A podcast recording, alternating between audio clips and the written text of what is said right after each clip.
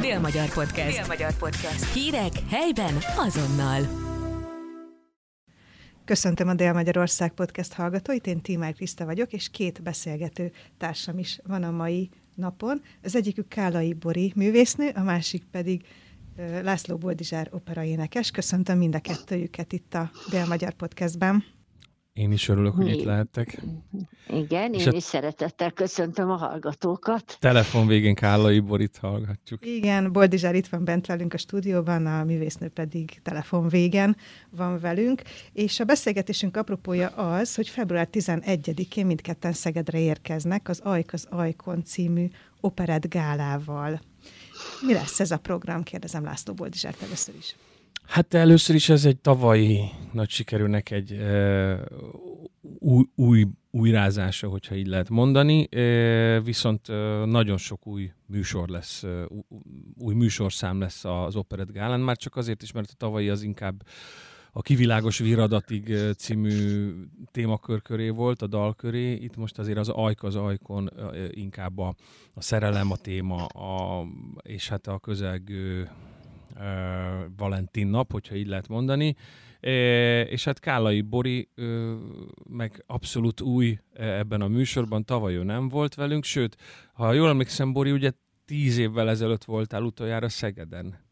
Hát igen, a, a, a Szegedi Szabadtéri játszottuk az Operett Színházzal a Csárdás királynőt, bár azt hiszem, hogy én voltam valami kisebb fellépéseken Szegeden, de, de ilyen nagyobb koncerten nem. Hát Mi ez... ennek az oka, hogy nem járt Szegeden egy évtizede? hogy mi az oka? Hát, hogyha az embert nem hívják, akkor nem tudott megjelenni. Bár én nagyon szívesen megyek mindig Szegedre, mert nagyon, nagyon is meghatározó a szegedi a város és a színház is az én életemben, hiszen ott töltöttem egy csodálatos évet, és igazság szerint ott váltam igazán először is színésznőve, mert ott kaptam az első főszerepeket, úgyhogy nekem mindenféleképpen a szívembe egy, egy különleges helyet foglal el Szeged. És most tudtam. pedig nagyon boldog vagyok, hogy a Boldozsár meghívott erre a koncertre, és örömmel megyek. És ez a Vaszi Viktor idejében volt? Ez a... E, igen, Vaszi Viktor volt az igazgató, és engem oda Bozók István főrendező szerződtetett szubret szerepkörbe. Wow. Úgyhogy ez egy, ez egy csodálatos nagy változás volt az életemben. És hát most nagy találkozást lesz, mert Pál Tamás fog vezényelni, úgyhogy ővele meg gondolom, oh. ő, ővele is dolgozhattál. Hát igen, vele is dolgoztam, nem sokat, de vele inkább a lányom dolgozott Fonyó Barbara, akit szintén Pál Tamás indított el Szegeden az, az operai színpad felé, és ott énekelte először a Gildát, úgyhogy nagyon jól ismerjük egymást, hogy és nagyon boldog vagyok, hogy, hogy végre találkozunk újra. Most miket hallhat majd öntől a közönség?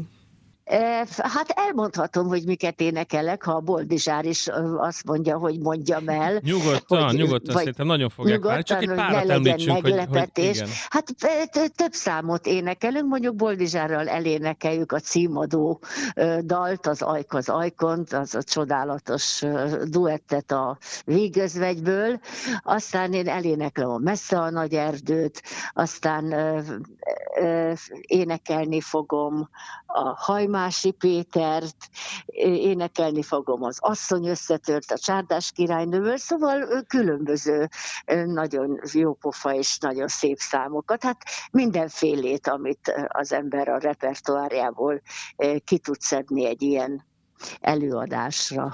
Ezek kedvenc dalok, vagy pedig? És a kedvencek, igen, mm. igen, pontosan így van. És ha nekünk és kedvenc, hát, akkor a közönségnek ember, is. Ha nekünk hogyan? kedvenc, akkor a közönségnek is.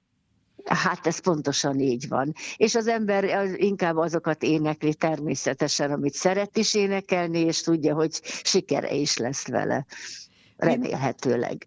Mindkettőjüktől kérdezem, hogy mi a titka az operetnek, hogy ennyire sokan szeretik, és ennyire, ennyire folyamatosan a, a, az érdeklődés középpontjában van ez a műfaj?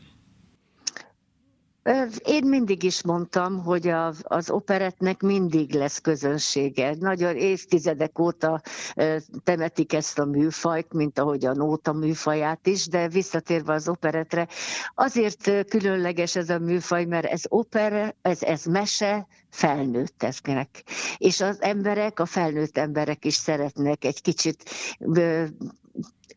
ebbe, ebbe a varázslatos világba egy, egy kicsit megnyugodni, egy kicsit az egész életüket, a rosszat elfelejteni, hiszen itt csak szerelemről szól, a, a találkozásról, az összeveszés, kibékülés, és a végén mindig happy end a vége.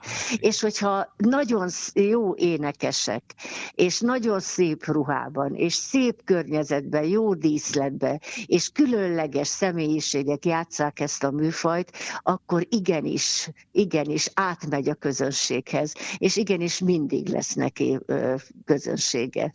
Hát ezt, meg, ezt nem lehet eltemetni. Meg ott van ugye a sírva vigad a magyar, az, az is benne van, és a, a sírva vigadságban az, az maga az operett. Tehát amikor, amikor van benne vigadalom is, ugye, meg, meg van, van a második felvonás végén mindig van egy kis bonyodalom, egy kis olyan, hogy hogy akkor ez, meg, meg amikor valami nagyon szívhez szól, akkor azt mindig szokták mondani nézők, hogy én, hát én ezen bizony pityeregtem. Tehát és, Igen, és, szerintem... és a, a legfontosabbat kifelejtettem, a muzsikát.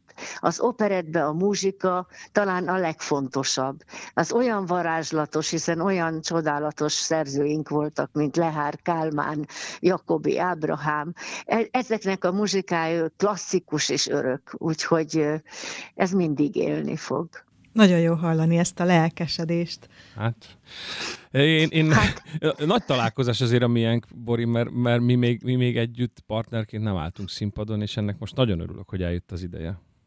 Ezt pontosan én is így érzem, és nagyon várom is a 11-ét, bár én téged sokat láttalak az, az opera színpadon, és múltkor meséltem is neked, hogy direkt elmentem megnézni, hogy, hogy kíváncsi voltam, hogy, hogy azt hiszem az volt az első operai koncerted a Zeneakadémián, ha jól tudom. Az jó rég volt, igen, az, ki, már, az már ilyen 20 nem. éve. Úgyhogy nagyon, nagyon meg voltam lepve, és nagyon örültem, hogy, hogy igen, át lehet menni egy másik műfajból is, vagy amit, amit vágytál, gondolom operaénekes akartál mindig lenni. Hát igen, csak ez a, ez a fránya zenekarom, ez, ez, ez túl korán befutott, és, és ott kellett maradnom 15 évig. Ez most panaszkodás vagy dicsekedés? Nem, ez, ez, ez, egy, ez egy jól eső dolog, mert amúgy meg az is egy minőségi dolog volt. Számít egyébként az, hogyha valaki még soha nem énekelt együtt, és az első fellépés? Tehát, hogy erre kell készülni, vagy, vagy igazából bármilyen partnerrel jól tud működni ez a műfaj? Hát, ha én mondhatok, azt hiszem, amikor két profi ember összekerül, akkor ott nagy baj nem lehet. Igen. Úgyhogy minden ketten tudjuk a, a dolgunkat, a szakmánkat, és hogyha meg lesz közöttünk az a varázs, már pedig remélem, hogy meg lesz, hiszen az ember arra törekszik, akkor itt nem lehet probléma. Itt van egy remek énekes, és hát remélem, hogy mindketten azt fogjuk hozni, amit kell. Úgyhogy ebből nem lesz probléma. Kik lépnek még föl ezen az esten?